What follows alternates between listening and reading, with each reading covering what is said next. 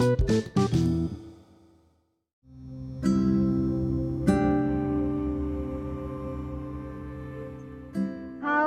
selamat malam.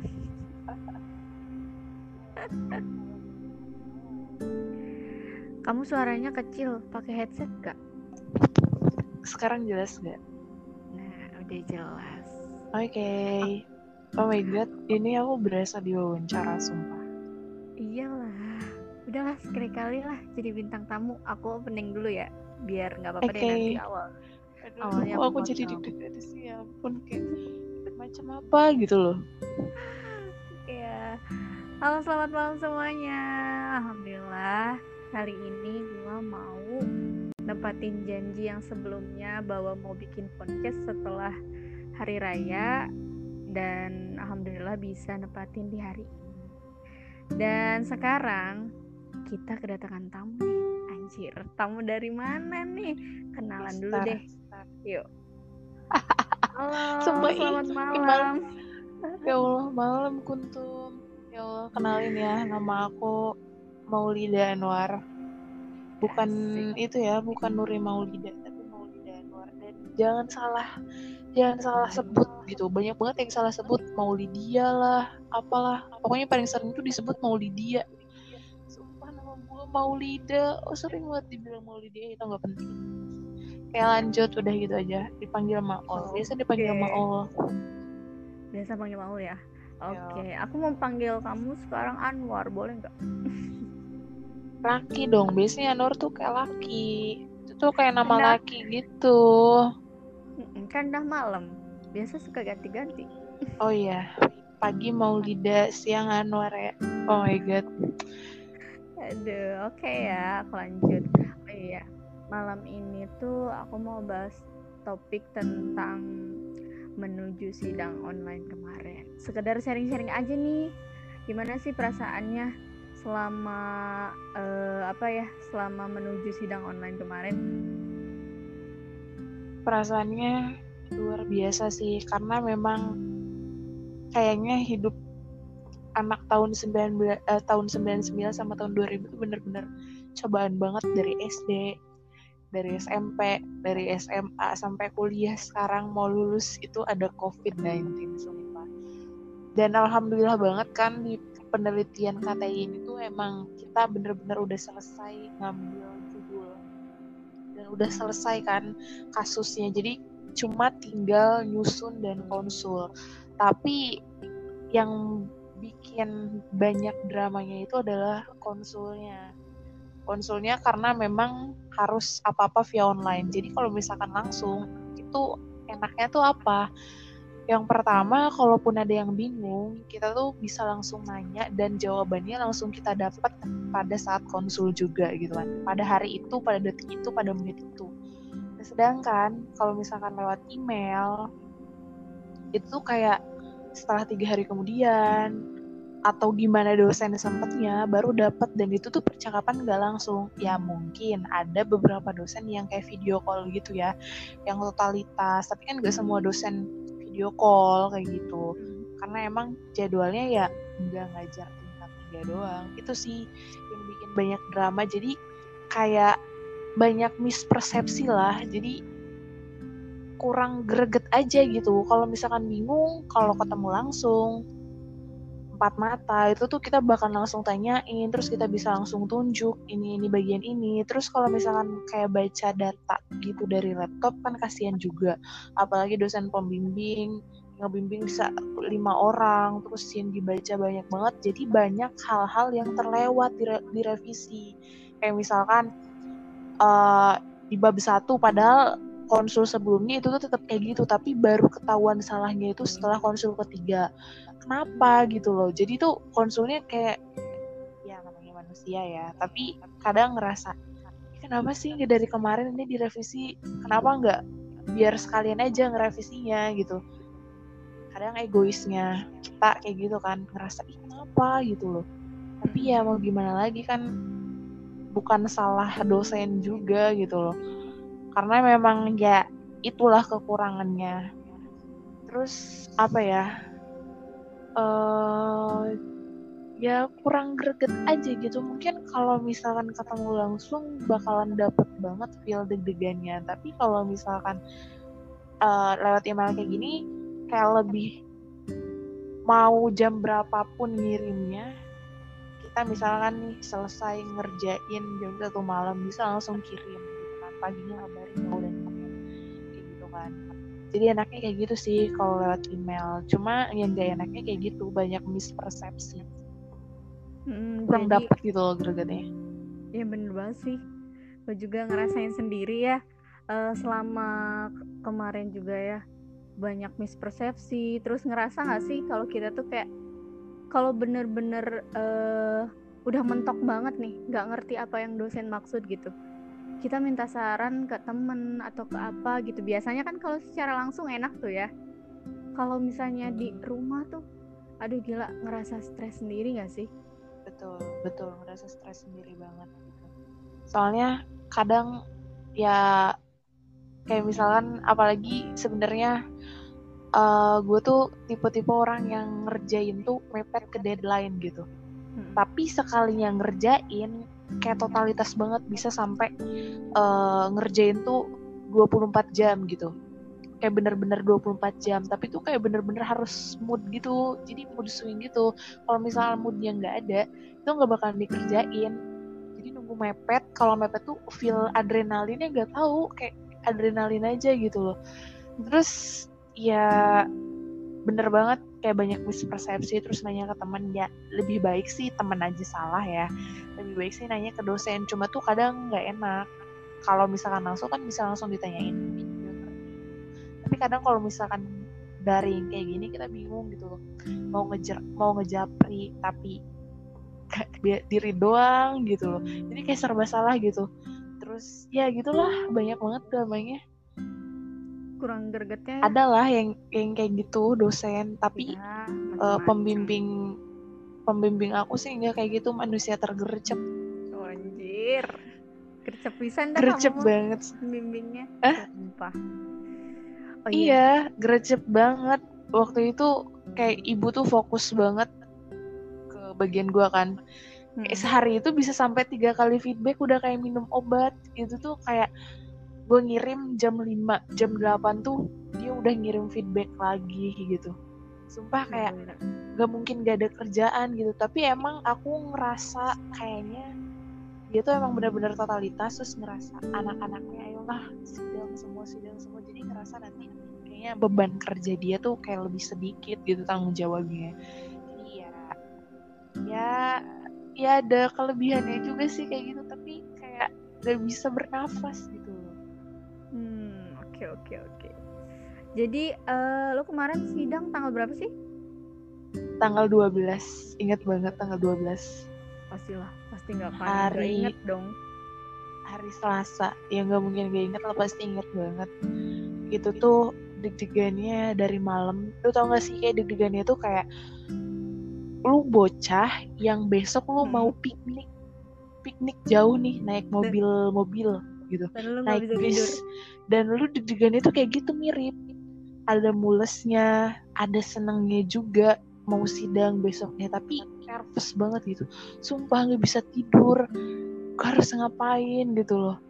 Jam berapa jam 12 tuh masih belum tidur sampai setengah satu kayak gini maksa gitu. Harus tidur kalau nggak tidur besoknya bisa bisa aduh bisa bisa nggak konsentrasi gitu. Tapi akhirnya jam setengah satu malam itu bisa tidur. Tapi rencananya idealnya tuh jam 9 tuh udah tidur. Tapi nggak bisa karena panik itu.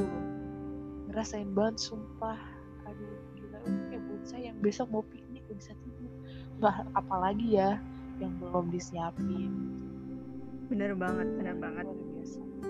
kan kita kan kena imbas banget nih dari COVID-19 ini. Menurut lo tuh uh, buat adik-adik tingkat kita yang bakalan sidang selanjutnya gitu, mungkin emang nggak pernah ngalamin hal kayak gini gitu.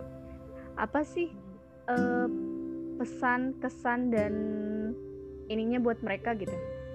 Selama ngalamin hal-hal yang ya enak gak enak sih kalau lagi kayak gini tuh oh iya iya, iya.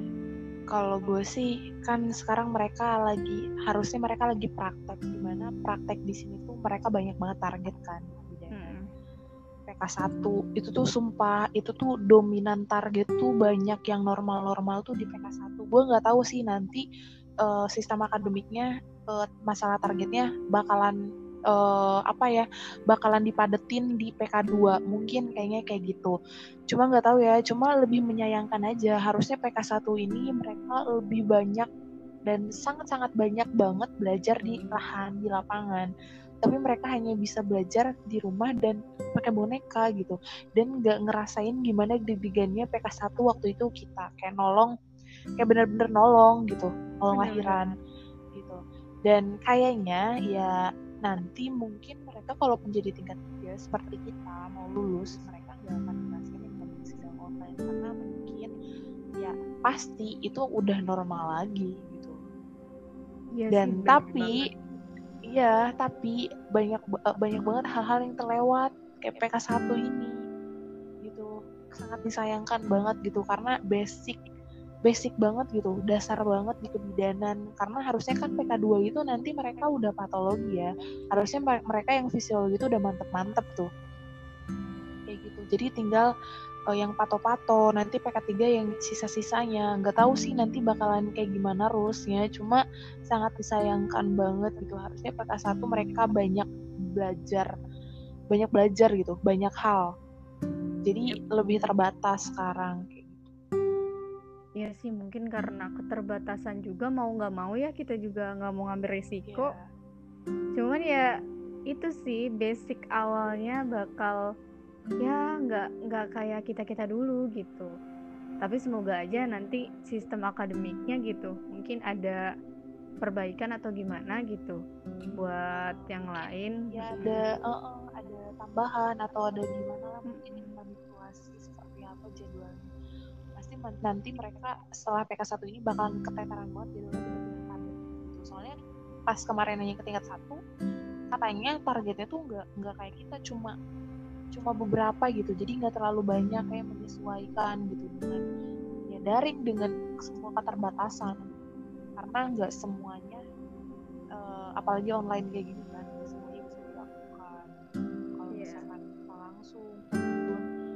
hal yang bisa dilakukan kegiatan kayak gini kan terbatas banget Tapi salut juga sih sama dosen, sama semua dosen gitu. Mereka bisa bagi-bagi waktunya bener-bener banget gitu. Sedangkan waktu ngurus tingkat tiga yang buat persiapan sidang online apalagi ya, ini baru banget gitu. Mereka ngalamin juga, terus juga persiapan buat PK1 yang seharusnya real, bener-bener real, ini harus jadi online gitu kan ya. Ya salut Iya, aja gitu mereka sama kayak jadi aktor gitu Aktor aktor utama ya? sama aktris enggak enggak enggak aktor karena kan semuanya cewek aktris iya. berarti Iya. bener bener bener sangat disayangkan banget dan ngerasa ya ampun kasihan banget sih harusnya mereka bisa belajar banyak hal gitu iya bener banget Eh, bener banget menurut lo nih ya sekarang kan mau diberlakukan new normal gitu. Apa sih Iya. pendapatnya gitu tentang new normal sekarang? Di apa nih di kehidupan kampus? Ya atau di, ke- di sosial kita? Mungkin khususnya di kehidupan kampus aja deh.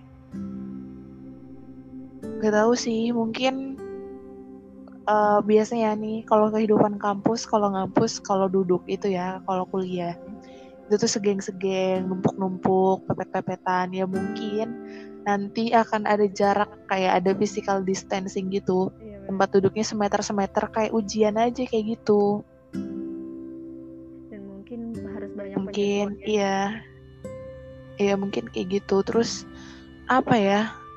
Baru kebayang segitu sih, mungkin akan itu apa namanya akan eh lebih kayak ujian aja mungkin kayak gitu. Kebayangnya sih? Tapi sisanya mungkin normal-normal aja. Cuma kebiasaan kayak cuci tangan Mm-mm. physical distancing nggak mungkin nggak akan ada acara seminar acara-acara yang seru-seru dari anak hikmah mungkin kayak gitu. Itu ah, nggak akan ada gitu. Padahal kan itu yang seru-serunya. Seru banget. Gak akan ada acara ngumpulin orang di aula. Mungkin kayak gitu aja sih gak akan ada banyak kegiatan yang gimana-gimana setelah kuliah balik gitu Hmm, oke oke oke. Jadi lebih ke ini lagi ya. Eh, apa ya? Iya, Seperti halnya dibatasi lah Heeh, dibatasi. Heeh. Terus eh, apa ya?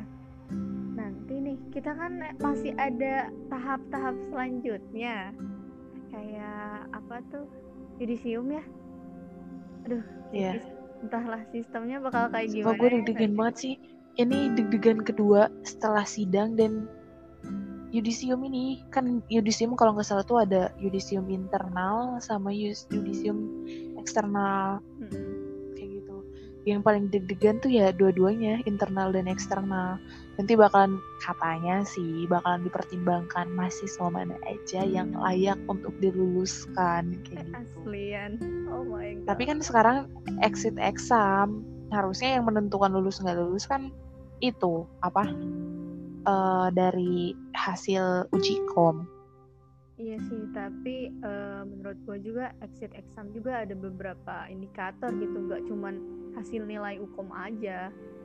Nilai Oh iya kemarin ya. tuh sempet sempet ada dosen yang bilang ya Hmm. salah satu eh, syarat didaftarkannya uji kom itu yudisium tuh harus mahasiswa tuh harus yudisium gitu. Ya Nah, mau ya tetap aja sih ya mungkin nanti ada pertimbangan dari dosen juga sih agak bingung juga yudisium di saat kayak gini tuh kayak gimana gitu. Sempet mikir apa semuanya bakal online atau apa dibedain sepertinya lagi gitu gitu. syaratnya ya. Ya, Iya, apalagi kan udah ada surat edaran ya dari Kemenkes PPSDM buat direktur Poltekkes bahwa daring tuh WFH sampai 30 Juni. iya Gitu. Ya kan 30 Juni Mm, diperpanjang jadi 30 Juni. diperpanjang terus yang sekarang dibingungin tuh hukum gimana ya pasti kan banyak orang ya tapi kalau di ruang ujian sih itu udah benar-benar physical distancing kan Iya sih emang. Ntar takut nyontek iya Aduh aduh. cuma aduh. tuh kayak kayak bingung aja gitu bakalan molor nggak ya gitu secara kan wisuda aja kalau nggak salah sih dengar-dengar kan kita jadwalnya itu September. Mm, Septemberan. ya tanggal 25 kalau nggak salah ya. September terus ada yang bilang itu tuh bakalan dimundurin jadi Oktober gitu. Dan lihat keadaan sekarang sih ya jauh lebih baik sih udah agak menurunnya udah ada banyak menurunnya gitu di Jawa Barat. Cuma tuh sekarang kan tau lah ada new normal banyak hal-hal yang berubah gitu. Nggak akan seperti biasanya katanya sih baca dari uh, artikel gitu bahwa beberapa tahun kemudian setelah keadaan COVID-19 ini dunia tuh bakalan benar-benar berubah gitu. Apalagi vaksin belum ada gitu kan. Kayak mungkin dari cara misalkan cara belanja cara belajar cara bertemu dengan orang dan bersosialisasi pun kan sekarang berbeda ya. Physical distancing kayak hygiene-nya gitu Ya benar. dan ngerasa kayak mungkin gak sih gitu dengan keadaan new normal ini bakalan ada wisuda yang secara itu tuh bener-bener gede-gedein eh, gede-gedein Gede-gede. gede-gede ya ngumpulin orang gitu loh Nah itu sih sempat kepikiran juga gitu ya. Iya, Emang terus bener-bener. iya sempet ya bener banget kayak sempet berpikir gitu ya yang ya kalaupun gak wisuda misalkan yang penting ijazahnya sih. Tapi masa sih justru wisuda tuh kayak hal cir kayak sesuatu hal kayak achievement gitu dalam hidup.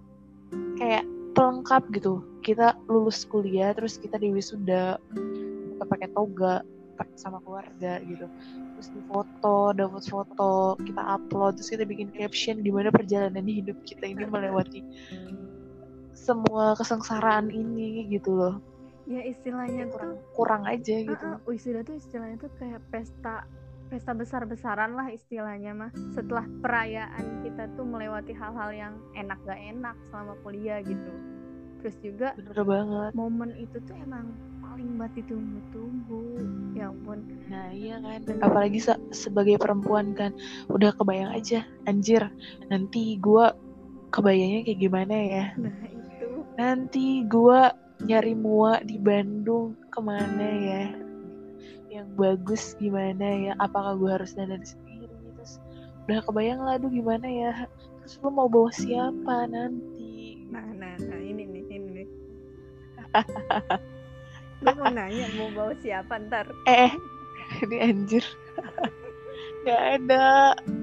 Sumpah itu pertanyaan yang harusnya ya gue tuh nggak ngabarin harusnya semua orang tuh nggak tahu gue tuh udah lulus. Karena gue bener-bener bingung banget kemarin pas lebaran emang keluarga gue tuh bukan keluarga yang dari luar kota emang tetanggaan gitu loh. Jadi kita tuh ngumpul ya kayak tetangga aja gitu ngumpul ngumpul. Ngumpul karena kebetulan uh, bapak gue tuh uh, paling tua jadi walaupun umur gue lebih muda gue tuh dibilang teteh gitu. Teteh gimana ya? Kecil-kecil tapi teteh gitu loh. Iya gak sih? karena posisi dong. ya karena posisi bapak gue bapak gue paling terus karena mereka tahu gue udah sidang mereka nanya udah punya pacar belum? Mau nikah kapan? Terus gue di situ kayak bener-bener cengkok. Karena emang gue udah bertahun-tahun gak punya pacar gitu loh nih, asli. uh, maaf ya maaf ya pemirsa. Aduh ini sesi sesi curhat ya. Curhat, terus terus tau nggak sepupu gue yang yang beda dua tahun pokoknya yang yang muda-muda gitu lah. Mereka udah hmm. punya pacar. Terus mereka tuh kayak yeah. keluarga tuh keluarga gue tuh pada tahu gitu kan. Mereka punya pacar. Pacarnya siapa? Terus kayak udah kenalan gitu lah sama keluarga. Terus mereka tuh kayak curhat-curhat gitu kan masalah pacar-pacar terus terus mereka kayak ngelihat ke gue gitu bareng-bareng semuanya. Kata terus gue maksudnya apa nih? Gak ada gak ada yang harus diceritain ya emang gak ada gitu. Terus gue ngerasa di situ kayak ya ampun sad banget gitu. Oke okay, sih. Ya cuma kirain gue cuma satu dua doang yang nanya kayak gitu ternyata lumayan banyak juga yang nanya kayak gitu dan gue kayak anjir gue harus bilang apa? gitu loh. Hingga akhirnya gue nggak ngomong apa-apa gue cuma senyum doang. Males gitu dengernya jadinya. Jadi bingung ya harus gimana? Iya bingung karena emang memang gue nggak lagi dekat dengan siapa pun gitu. Terus nggak tahu gue nggak tertarik aja untuk kayak memulai dekat dengan orang ribet nih ribet nih kayaknya. Iya nggak tahu lah. Ribet ribet sekali. Ya intinya mah semoga aja setelah berakhirnya covid anda menemukan jodoh ya. Semoga karena nggak tahu sih sebenarnya gimana sih kok jadi ngomongin ke sini sini tapi nggak apa-apa sih dibahas juga. Uh, mungkin nanti pendengar kuntum ya ada yang yeah. setipe kayak Maul maksudnya kayak gini loh lu tuh nggak gampang suka sama orang lu tuh nggak gampang impression sama orang gak gampang naruh suka sama orang gitu yeah. jadi aku tuh asik aku gue tuh tipe orang yang sebenarnya nggak ngelihat dari penampilan nggak ngelihat dari ganteng atau rupanya gitu gak ngeliat materinya enggak cuma gue tuh kayak butuh gue dulu yang suka baru lakinya yang suka. Soalnya kebanyakan kalau lakinya dulu yang suka yang deketin gue gue nya malah jadi ilfil. Dan gue ngerasa gue normal gak sih? gitu. Tapi sebenarnya gue normal cuma emang gue tuh nggak gak gampang impression sama orang. Jadi gue tuh harus jatuh cinta dulu sama laki yang karakternya ya anjir kok ini laki banget sih wibawa banget sih gitu gitu. Berarti ini mas ini uh, masalahnya adanya di lu nih. Nah Jadi iya gitu. terus kena dampak new normal juga kayaknya. Iya terus terus gue tuh ngerasa bahwa uh, eh, gue tuh ngerasa ini kayaknya tipe gue sebenarnya gue nggak matok harus kayak gimana sih cuma rata-rata yang gue suka gue tuh lebih suka yang umurnya itu dari gue gitu. Kebanyakan yang deketin gue tuh gue jadi gue tuh ngerasa gue tuh aneh. Kayak anehnya tuh gimana ya? Gue ngerasa ih apa sih lu? Kok sok sok sok deketin SKSD gitu ke gue yang namanya orang suka gimana sih? Kayak mencoba untuk asik mencoba untuk membuat gue nyaman mungkin gitu ya. cuma gue malah jadi lu apa sih? Lu sama-sama bocah kayak gue kayak gitu seumuran lu jangan sok-sok kayak pengen menaungi gue atau gimana gitu. Jadi gue malah jadi bawahnya jadi ilfil gitu. Jadi gue tuh nggak naruh kayak nggak tahu sih kayak gue nggak siap untuk dengan orang yang seumuran. Gue tuh pengen orang yang lebih tua dari gue gitu. Ada sih cuma cuma tuh kayak terlanjur terlanjur itu banget. Apa namanya terlanjur tua banget enggak sih nggak tua banget. Ada Udah yang bedanya 15 tahun ada yang bedanya 8 tahun. Wow lu bayangin beda lumayan 15 ya. tahun. Inilah jaraknya. Iya cuma cuma nih ya eh gue nggak itu sih karena nggak ada yang ke tahap kayak serius gitu. Soalnya gue tuh kayak pengen sekalinya gue suka itu tuh kayak serius gitu. Jadi makanya nggak tahu sih ribet juga sih nggak tahu. Pokoknya gue tuh pengen nemu gue yang duluan yang beda umur minimal lima tahun. Ya seenggaknya minimal lima tahun lima tahun banget gitu. Iya iya iya. Karena gue tuh nggak mau nunggu. Maksudnya kalau misalkan gue seumuran sebenarnya gue lagi deket dengan yang seumuran. Terus Nggak lulusnya boleh kan sekarang duluan gue iya terus sekarang kan terus sekarang kan gue udah lulus terus dia tuh kayak belum lulus gitu kan. Terus gue Mhm. dia seumuran sama gue terus gue tuh kebayang kalau misalkan nanti gue nikah kebanyakan nih perempuan itu tuh kalau yang seumuran tuh kayak cepet kelihatan tuanya. Nah gue tuh nggak mau kayak gitu sebenarnya. Jadi tuh gue nggak mau sama-sama seumuran itu gue takut nanti gue kelihatan lebih tua kayak gitu. Nggak mau. Terus katanya gue membahasakannya ini ya. Eh biasanya laki-laki itu kan ada puber kedua kayak gitu kan. Sedangkan laki-laki tuh bakalan subur ya seumur hidupnya gitu. Cuma yang membedakannya itu kan kualitas dari spermanya. Kok gue ke sini-sini sih bahasnya? Nah, sedangkan perempuan itu ada batasnya. Dia tuh bakalan baki bakalan mengukus gitu. Nah, kalau misalkan gue seumuran seumuran nanti tuh Hmm. gue tuh takut gue tuh tidak memenuhi itunya gitu loh. Oh my itu god. hadiahnya gitu. Jadi gue tuh panjang banget ya gue sampai berpikiran di situ tapi emang itu yang gue pikirin gitu loh. Jadi gue tuh nggak mau ya seumuran tuh karena itu gitu loh. Gue tuh pengen sama yang lebih tua. Terus kenapa coba karena gue tuh yang pertama mungkin ini dari psikologis ya karena gue nggak punya Iya. kakak laki-laki. Jadi tuh gue ngerasa gue tuh pengen relationship gue tuh dengan soalnya mungkin udah iya gue tuh kayak udah mencoba ayo gue coba coba coba. Seumuran karena memang dia dia banyak yang seumuran maksudnya kayak rata-ratanya gitu seumuran. Terus dia orangnya baik banget gitu. Cuma gue tuh kayak ngerasa ngebohongin dia dan ngebohongin diri gue sendiri gak bisa. Ternyata udah gue coba gue udah jalan dua kali dia dan gue gak bisa gitu. Gak bisa. Gue ngebohongin diri sendiri jadi apa ya jadi gue kasihan banget sama dia gitu loh. Oh ya gue jadi curhat. Ya ampun guys, kenapa jadi curhat begini ya? Ya udah deh Ya, intinya kayak- semoga aja setelah ini nih lo bener-bener ya bertahap lah. Nggak mungkin pendamping hidup gampang banget eh, ininya dapatnya. Eh, semoga aja dapat yang bener-bener bisa ngedampingin lo lebih dewasa Oh lah iya. intinya Mm-mm. ya gue tuh pengen yang dewasa banget gitu. Oh, laki ya. Gitu. Gak mau.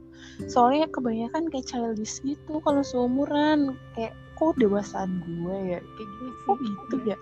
Tidak iya gitu malah jadi kok gue malah jadi ilfeel gitu. Jadi gue pengen yang gue ngerasa sih ketika gue dekat dengan yang beda umur gue ngerasa comfort banget gitu ngerasa nyaman cuma tuh emang ada beberapa hal yang nggak bisa emang lanjut gitu. Karena emang nggak tahu karena mungkin belum se frekuensi jadi emang nggak ada ke tahap yang lebih serius.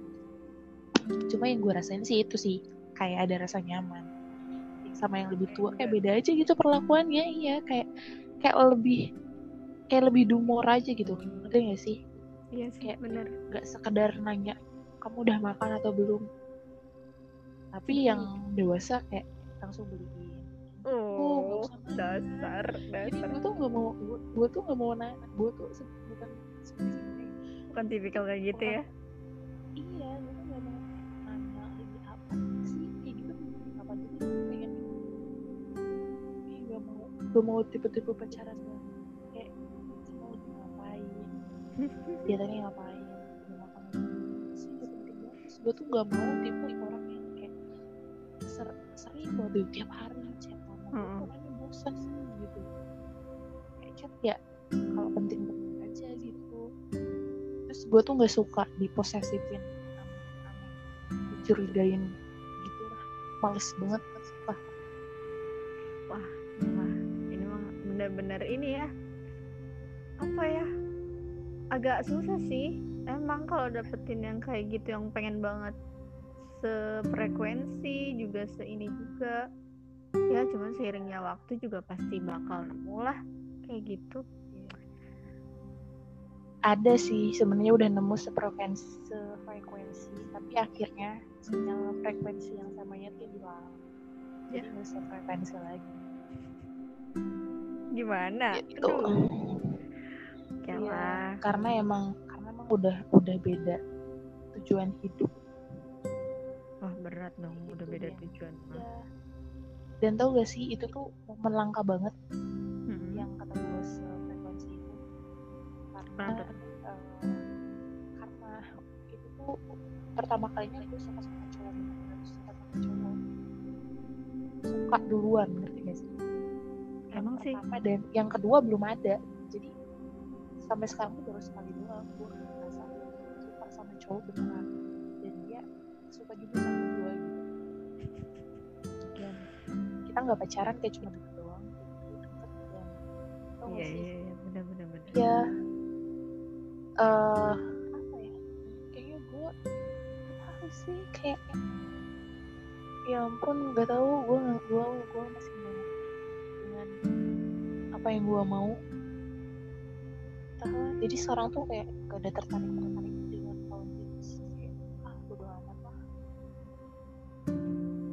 Oke, jadi mungkin ketertarikannya udah beda lagi ya.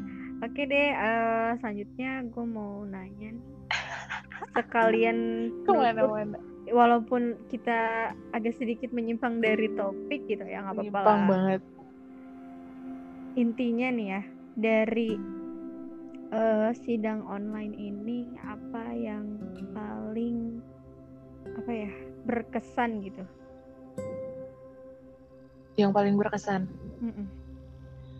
sebenarnya dari awal munculnya COVID-19 itu tuh udah bikin kesan banget seumur hidup, sepanjang hidup.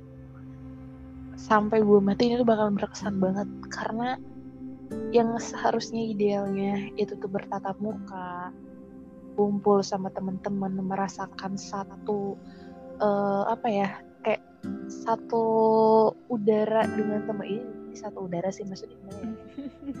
kayak satu kayak satu lingkungan kayak ngumpul Iya. bareng ngerasain deg-degan bareng itu kayak nggak kayak kayak lengkap gitu dan apa ya pokoknya dari awal ada covid itu tuh udah udah bikin kesan yang berbeda banget udah merubah banyak hal mungkin sampai nanti gue punya anak gue punya cucu gue bakalan ceritain harusnya gue sidang tatap muka tapi gue sedang online dengan segala keterbatasan sinyal. Dengan segala keterbatasan kuota. Dengan segala keterbatasan nge-lag. Bener dengan banget. segala keterbatasan konsul mispersepsi. Terus banyak hal lah yang yang itu apa yang yang yang bikin ya Allah cobaan banget gitu Kenapa pokoknya harus dari kayak gini awal. gitu ya? ya bahkan ini kayaknya bakalan diingat oleh semua orang tahun angkatan kita tahun angkatan yang benar-benar diuji Dan- dengan virus yang belum ada belum ada Vaksinnya. vaksinnya gitu iya jadi dari awal sampai ak- akhir poin sepanjang hidup itu tuh bakalan benar-benar ingat banget Oke. per menitnya per detiknya itu benar-benar berkesan itu Itulah, kesan yang paling greget banget paling ini ya dari lo ya. Apa sih ya eh, pesan buat eh, atau tanda terima kasih kepada siapa pun deh yang lo tuju gitu berkat adanya COVID-19 ini kan mungkin ada dampak positif dan negatifnya gitu. Dan apa sih pesan yang mau lo sampaikan buat semuanya? terima kasih ya pertama kepada Allah Subhanahu Wa Taala karena detik ini gue diberikan nikmat sehat. Alhamdulillah gue sehat sampai sekarang di rumah terus gitu. Ya gue ngerasa sebenarnya kayak ngerasa stres juga gitu. Walaupun sebenarnya kaum rebahan cuma kalau terlalu lama juga gitu ya ampun ngerasa ngerasa mau gila juga gitu. Kadang ngerasa pengen protes kenapa harus ada covid gitu?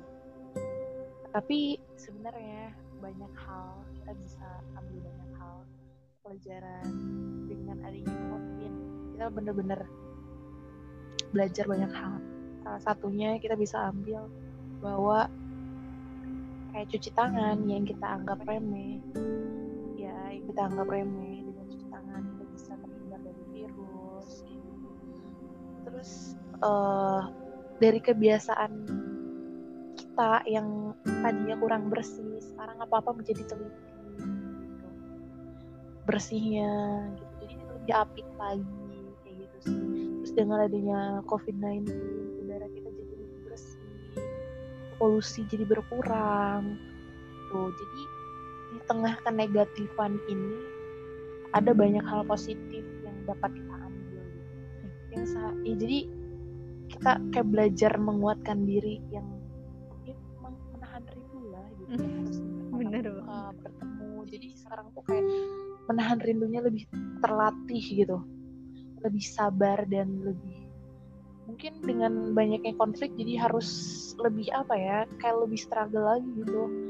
Lebih kreatif lagi lebih inovatif lagi lewat dunia digital sekarang kayak mungkin ke depannya apa apa nanti internet internet internet Bener banget. Dan juga Iya, jadi- mungkin lebih ke rasa bersyukur gitu ya. Bahwa apa ya, yang dulunya kita biasanya kayak gini, kumpul kayak gitu kan. Tapi ini juga lebih lebih ngedeketin kita sama orang-orang rumah juga sih ya. iya bener banget Dampaknya juga emang ya gitu deh. Ada plus minusnya gitu. Ya semoga aja eh tahun kita benar-benar tahun yang paling diinget banget ya tahun angkatan kita tuh. bener banget banyak hal yang terjadi sebenarnya dari SD kata gue juga dari SD SMP SMA Bener sih tahun Iya tahun ada aja ya mau lulus tuh ada dramanya reformasi ya. Tahun-tahun reformasi nih.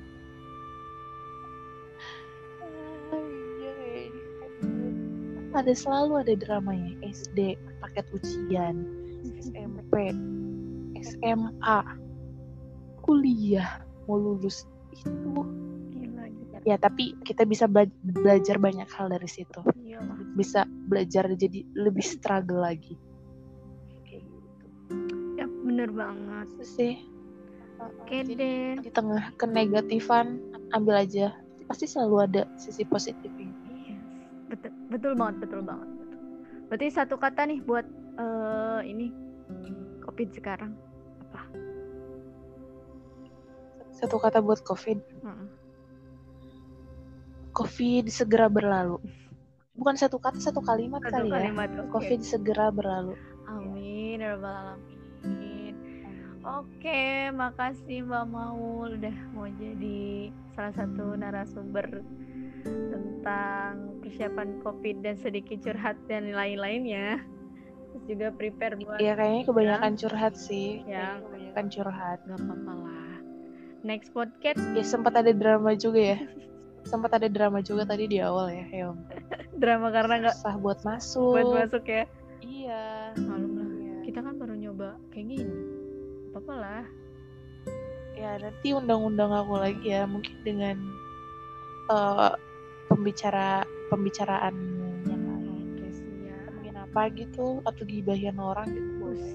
Jag- kayaknya itu jagonya suatu ya. keahlian juga. Suatu kalian Jagonya banget. oke makasih ya mbak mau. Selamat malam assalamualaikum. Waalaikumsalam. Thank you ya. Iya. Eh aku bisa dengerin ini di mana loh? Nanti aku share di ininya ya. Oke. Aku gak sabar ngelihat betapa anehnya suara aku. Aku matiin ya